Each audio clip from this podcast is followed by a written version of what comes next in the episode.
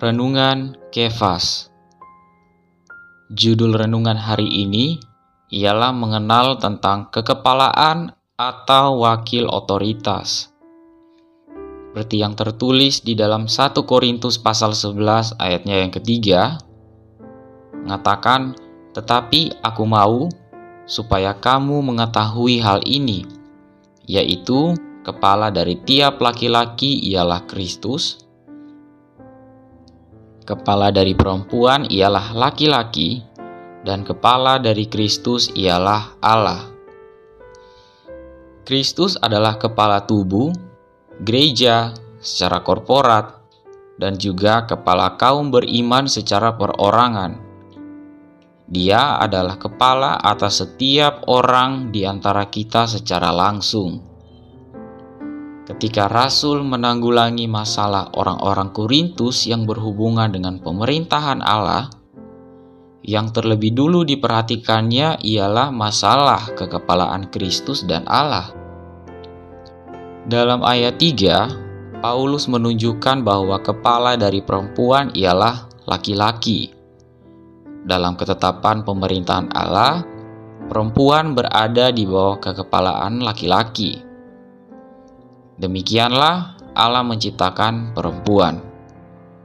Dalam Kejadian pasal 2 ayat 18 sampai dengan 24 dan juga di dalam 1 Timotius pasal 2 ayat 13. Menurut kodrat yang diciptakan Allah, perempuan berada di bawah laki-laki Paulus juga mengatakan dalam ayat 3 bahwa kepala dari Kristus ialah Allah.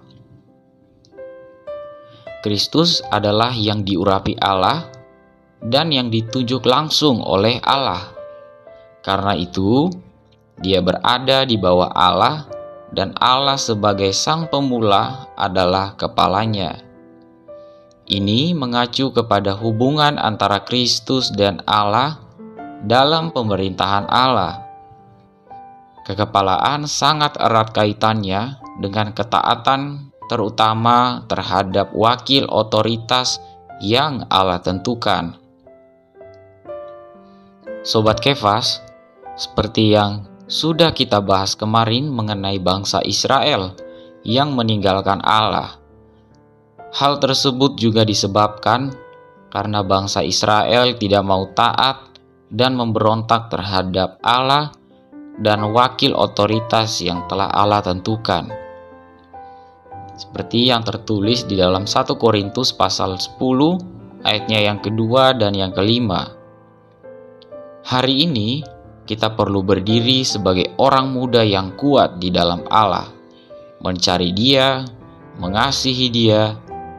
Tapi satu hal yang paling utama yang kita perlu tahu, yaitu menjadi orang muda yang taat, tidak memberontak, terutama pada wakil otoritas yang telah Allah berikan.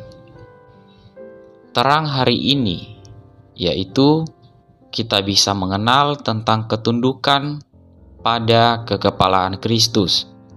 Selain itu, kita belajar taat kepada wakil otoritas yang telah Allah tetapkan. Doa hari ini, semoga kita berdoa supaya Tuhan menyelamatkan kita dari ketidaktaatan dan pemberontakan, tetapi supaya kita boleh menjadi orang-orang muda yang mengekspresikan Kristus dengan ketaatan kita. Puji Tuhan, amin.